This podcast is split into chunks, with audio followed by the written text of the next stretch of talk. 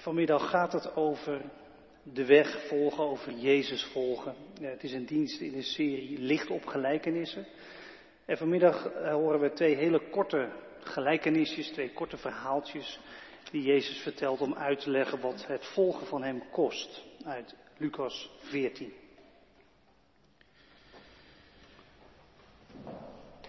Lucas 14 vanaf vers 25.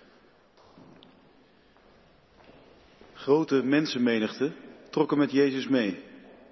Hij wendde zich tot hen en zei, wie mij volgt, maar niet breekt met zijn vader en moeder en vrouw en kinderen en broers en zussen, ja zelfs met zijn eigen leven, kan niet mijn leerling zijn.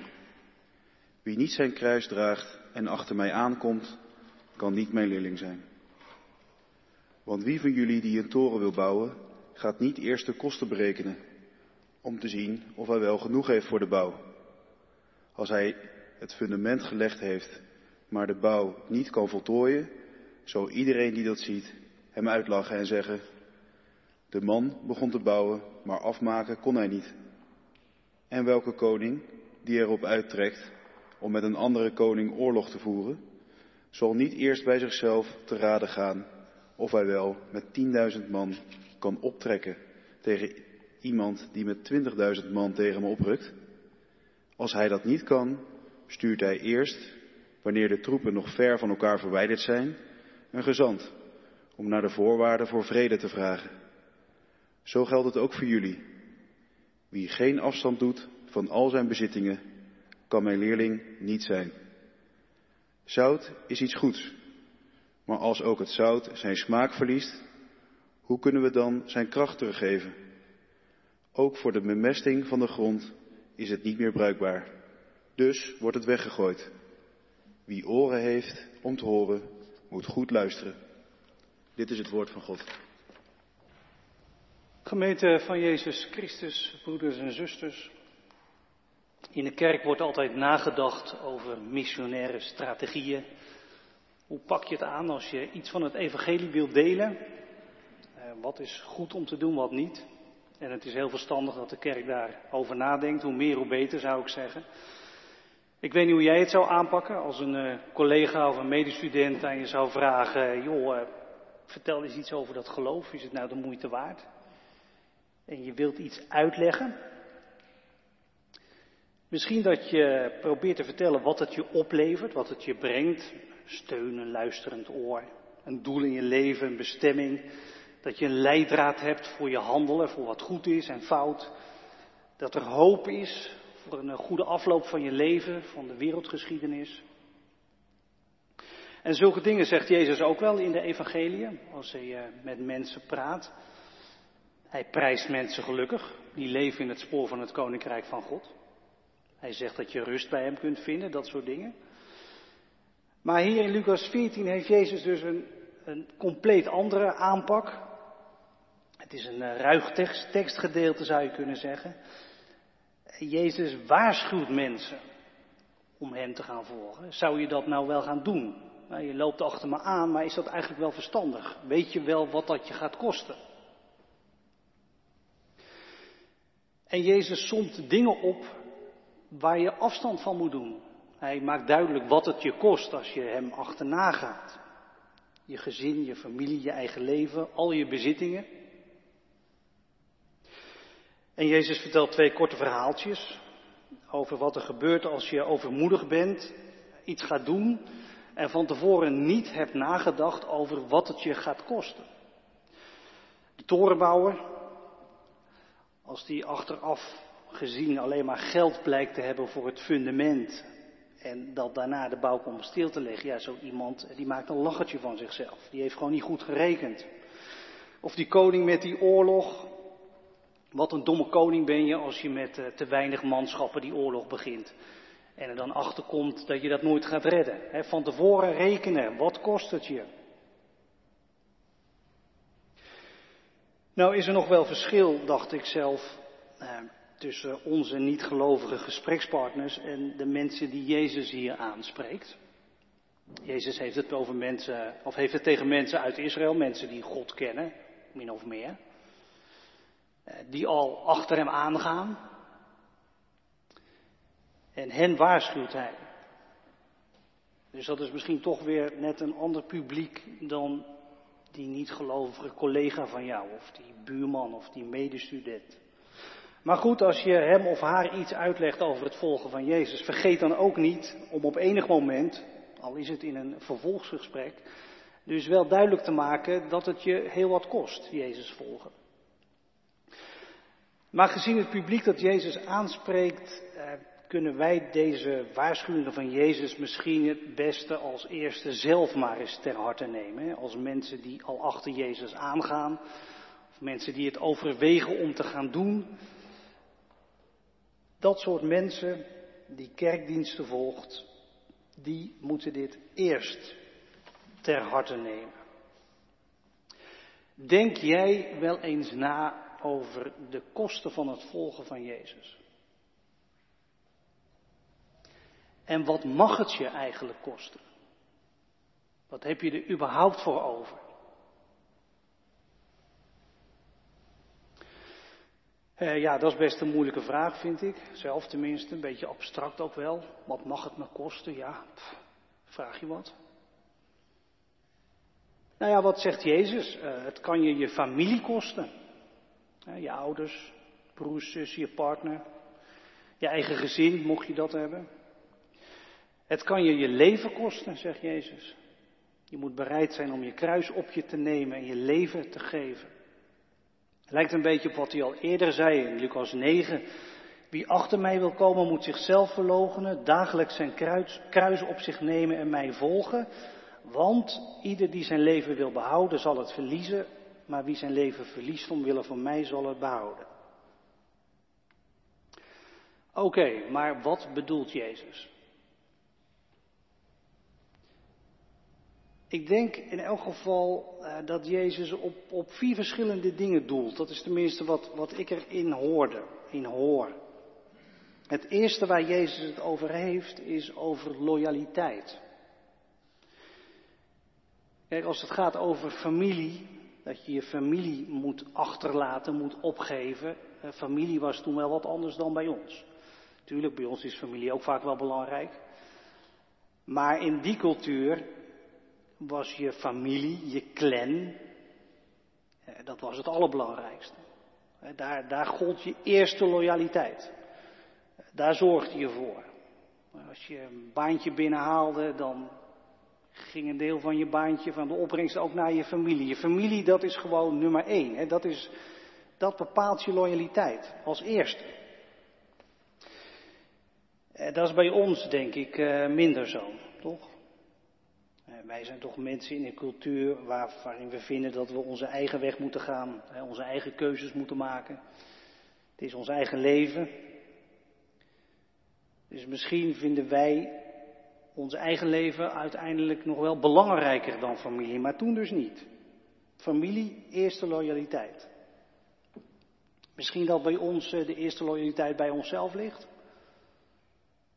Of vind je dat uh, te individualistisch ingeschat? Nou ja, in elk geval eh, vraagt Jezus je om daar ook niet je eerste loyaliteit te leggen, je eigen leven. Je moet je juist verlogenen, je leven beschikbaar stellen, zegt Jezus. Jezus vraagt dus om je eerste loyaliteit bij Hem te leggen en bij de weg die Jezus gaat. Als je achter Jezus aangaat, dan deel je Zijn weg, Zijn missie, Zijn plan. En zijn missie, ja, dat is het koninkrijk van God. Daar is Jezus duidelijk over. Gods nieuwe wereld. Daar is hij voor aan het werk, daar heeft hij alles voor over, daar heeft hij zijn leven voor over. Dat gaat voor alles. Dus Jezus zegt, als jij mij wil volgen, moet je wel weten wat het kost. Dat kost je je loyaliteit. Die komt dan eerst bij mij te liggen en, en bij mijn missie in deze wereld.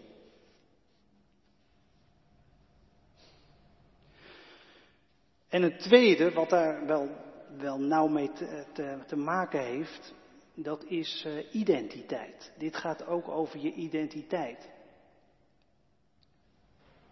Toen, in Jezus' dagen, in dat oude Midden-Oosten, was je familie ook, nou alles bepalend. nou misschien wel, voor je identiteit.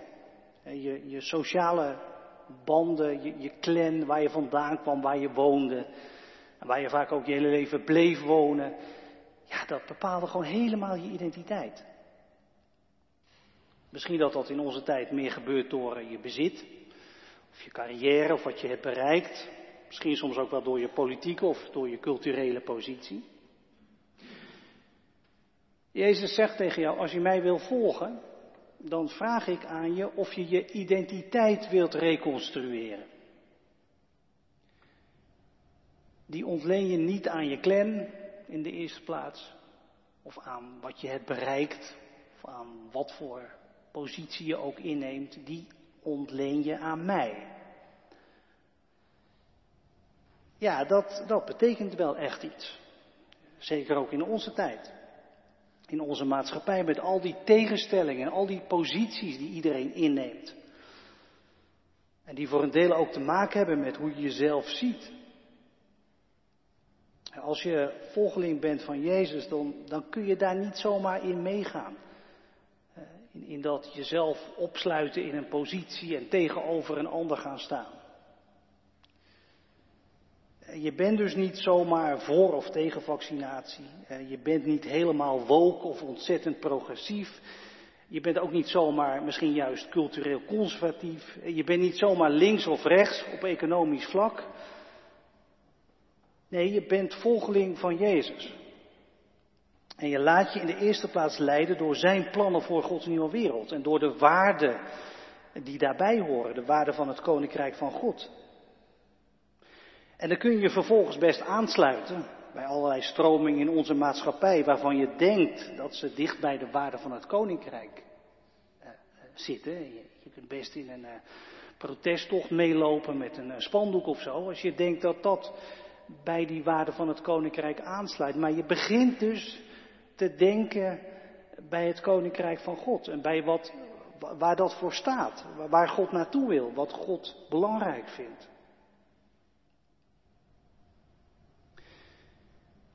Ik moest daar ook even bij denken aan, aan de, de, de hele reuring die je een paar jaar geleden had bij die Nashville-verklaring. Weet je dat nog? Eindeloze krantenartikelen, seculiere pers, christelijke pers. En ook, ook ja, de, de, de dwang om, om positie in te nemen in de hele discussie over homorelatie en gender issues.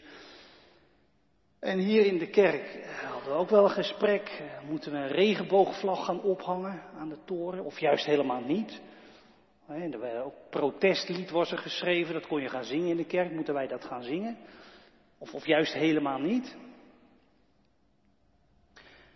En wat we uiteindelijk zeiden was, weet je, wij hangen hier geen vlaggen op op zondag. Wij gaan hier geen protestliederen zingen. Wat wij doen, dat is samen avondmaal vieren. En, en dat is heel principieel. Dat je begint bij Jezus, samen. En vervolgens, tuurlijk, kun je een positie innemen en ben je het misschien ook helemaal niet eens als volgelingen van Jezus, dat is ook uh, heel goed mogelijk. Maar je begint, als het gaat om je identiteit, om je standpunten, je begint bij Jezus. Bij Hem horen, bij Hem aan tafel zitten en dan ga je de wereld in, dan maak je je keuzes.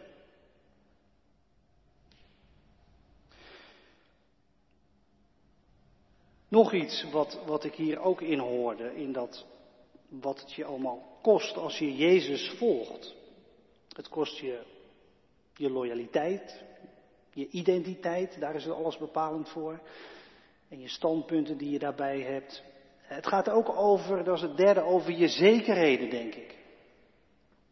Bij alles wat Jezus noemt aan kosten, aan dingen die je achter je moet laten als je Hem volgt, daar horen ook je zekerheden. Want familie, clan, dat gaat ook over zekerheid natuurlijk. Zeker in die tijd. Als je geen inkomen had, dan kon je bij je familie terecht. En als een familielid het niet had, dan kon hij bij jou aankloppen. Je bescherming vond je daar, je veiligheid, je clan, je familie, ja, dat, dat is belangrijk voor je zekerheid.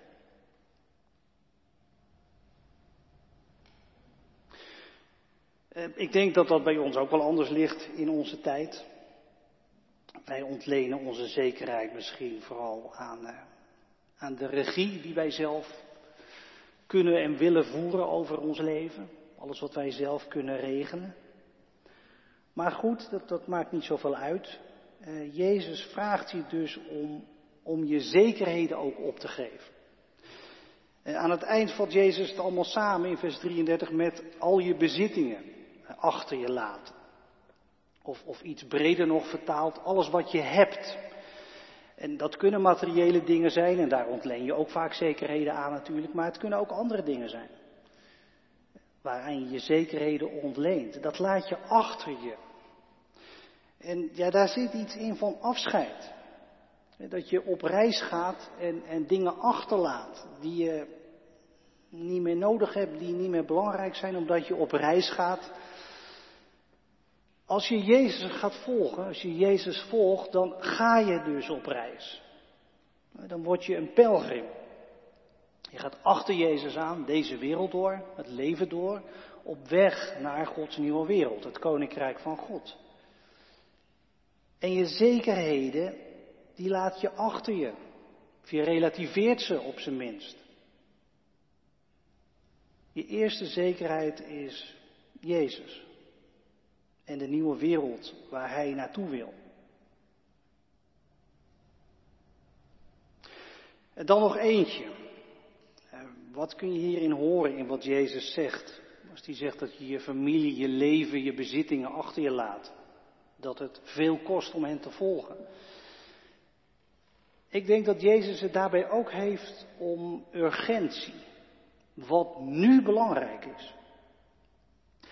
Kijk, als je, voorbeeldje, als je mensen uit een brandend huis wil gaan redden, dan laat je alles achter je wat je niet nodig hebt op dat moment. dat, dat laat je gewoon op straat liggen en, en alleen wat nodig is, misschien een bijl of zo, of wat zuurstof, dat neem je mee, verder niet. Het andere telt niet meer, je laat alles achter, ook je familie.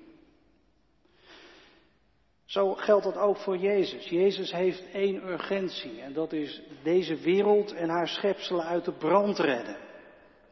En dat is zijn weg naar de nieuwe wereld, het koninkrijk van God. En Jezus geeft daar alles voor op. Alles, letterlijk alles. Zijn familie, zijn clan, zijn zekerheden, zijn leven, alles. Hij geeft alles op, ook om jou uit de brand te redden en jou mee te nemen op weg naar die nieuwe wereld. Hij geeft alles op, laat het achter zich om de weg te banen door het donker heen naar het licht, door ondergang heen naar een nieuw begin. Door falen en schuld heen naar nieuwe mogelijkheden, door de dood heen naar het leven.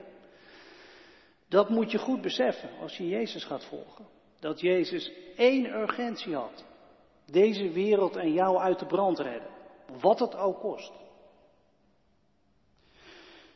En jou wordt niet gevraagd om hen te zijn. Dat gaat ook helemaal niet.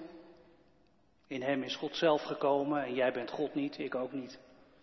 Maar je wordt wel gevraagd om zijn urgentie te delen. Wat hij wil met deze wereld en met mensen. Dat hij er alles voor over heeft. Om dat te delen, dat dat belangrijk is. Dat deze wereld gered wordt. Dat Gods nieuwe wereld er komt. Dat God dat zal laten doorbreken hier.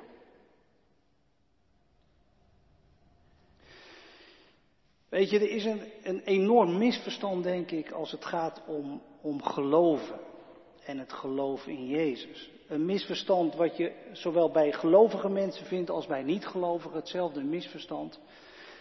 Dit misverstand namelijk dat geloven in Jezus betekent dat jij verwacht als mens goddelijke steun en support te krijgen bij jouw projecten. En bij jouw levensproject. Of bij jouw battles van het leven. Steun in de vorm van zegen of voorspoed. En op zijn minst steun in de vorm van een ticket voor het hiernamaals. En als je iemand bent die gelooft, dan verwacht je dat dus inderdaad bij Jezus te vinden, bij God. En je stelt daar prijs op, je wilt dat ontvangen. En als je niet gelooft, dan ben je iemand die denkt dat hij die goddelijke steun niet nodig heeft. Of dat die goddelijke steun niet bestaat, omdat God niet bestaat. Maar weet je, geloven in Jezus en Hem volgen is niet steun aanvaarden of vragen om steun voor jouw project, maar is instemmen met het project van Jezus. En jouw steun, jouw leven beschikbaar stellen voor dat project, het Koninkrijk van God.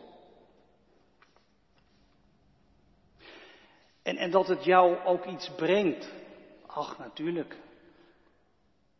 De goedheid van Gods plannen voor deze wereld, die wordt ook in je eigen leven duidelijk als je Jezus volgt. En dan kun je daar al genoeg van ervaren, aan, aan vergeving, aan support natuurlijk ook. Maar dat is wat volgt. Het is niet waar het mee begint.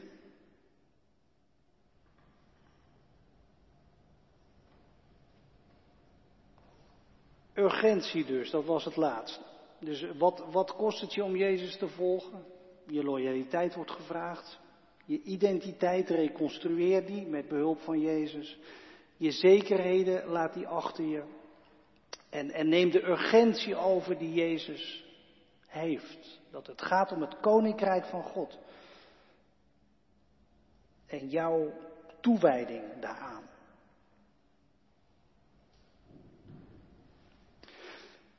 Nog even iets over die, die, die voorbeeldjes die Jezus noemt. Uh, die torenbouw, die koning met die oorlog. Grote kans dat die voorbeelden van Jezus in die tijd een, een ontzettend hedendaagse klank hadden. Dat die mensen direct ergens aan moesten denken. Kijk, als het gaat om het bouwproject van die toren, het grootste bouwproject in de dagen van Jezus, dat was de herbouw en de upgrade van de tempel in Jeruzalem. Door Herodes en zijn directe nakomelingen. Dat was het grootste bouwproject eh, in Jeruzalem. Maar voor hoe lang? En kregen ze dat bouwproject wel af? Veertig jaar na Jezus' woorden komt alles in puin te liggen daar.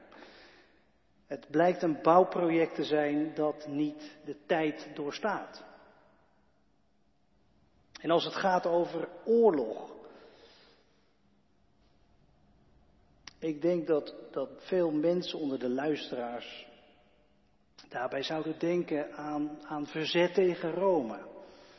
Zeker de mensen in wie de grote nationalistische droom sluimerde van autonomie van het Joodse volk. Weer een koningshuis van David. Eigen bestuur, Joods bestuur oorlog.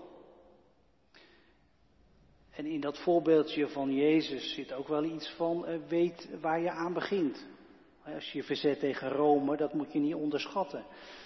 En veertig jaar na Jezus' woorden wordt dat ook vreselijk waar. Na de Joodse opstand die dan plaatsvindt, gaat je heel, heel Jeruzalem tegen de vlakte door de legers van Rome.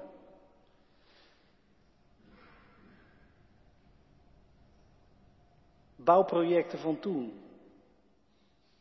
ik denk dat wij mensen allemaal onze bouwprojecten hebben. Onze dromen in dit leven. Ik weet niet wat voor projecten jij op stapel hebt, wat jouw dromen zijn. En wees vooral een beetje ambitieus, zou ik zeggen. Maar hoe duurzaam en hoe blijvend zijn je plannen? Eh, passen ze bij de urgentie van Jezus, bij Gods nieuwe wereld? Of staan ze die nieuwe wereld in de weg? De urgentie van Gods plannen, die, die vraagt iets van jou. Ook als het gaat om je bouwproject in dit leven. Vraagt om keuzes. Het kan je je leven vragen. soms letterlijk. Het kan je je bezit vragen. Soms letterlijk. Vaak niet. Maar wees erop voorbereid dat het volgen van Jezus heel veel van jou en van jouw belangen relativeert. Jezus zegt, zoek eerst het koninkrijk van God. En alle andere dingen, ja, dat komt nog wel, zegt Jezus. Dat krijg je er nog wel bij. Maar zoek eerst het koninkrijk van God. Daar ligt de urgentie.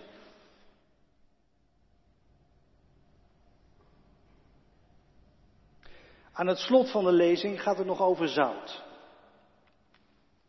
Zout dat zijn smaak verliest. Daar wil ik ook nog even iets over zeggen. Een grote kans dat Jezus daar niet alleen individuele gelovigen mee bedoelt, maar ook de gemeente als geheel. Net als in Matthäus 5, Jezus zegt, jullie zijn het zout van de aarde. Ook als gemeente, als christelijke gemeenschap ben je geroepen om de urgentie van Jezus te delen. En om dat in te brengen op de plekken waar je, waar je leeft als zout.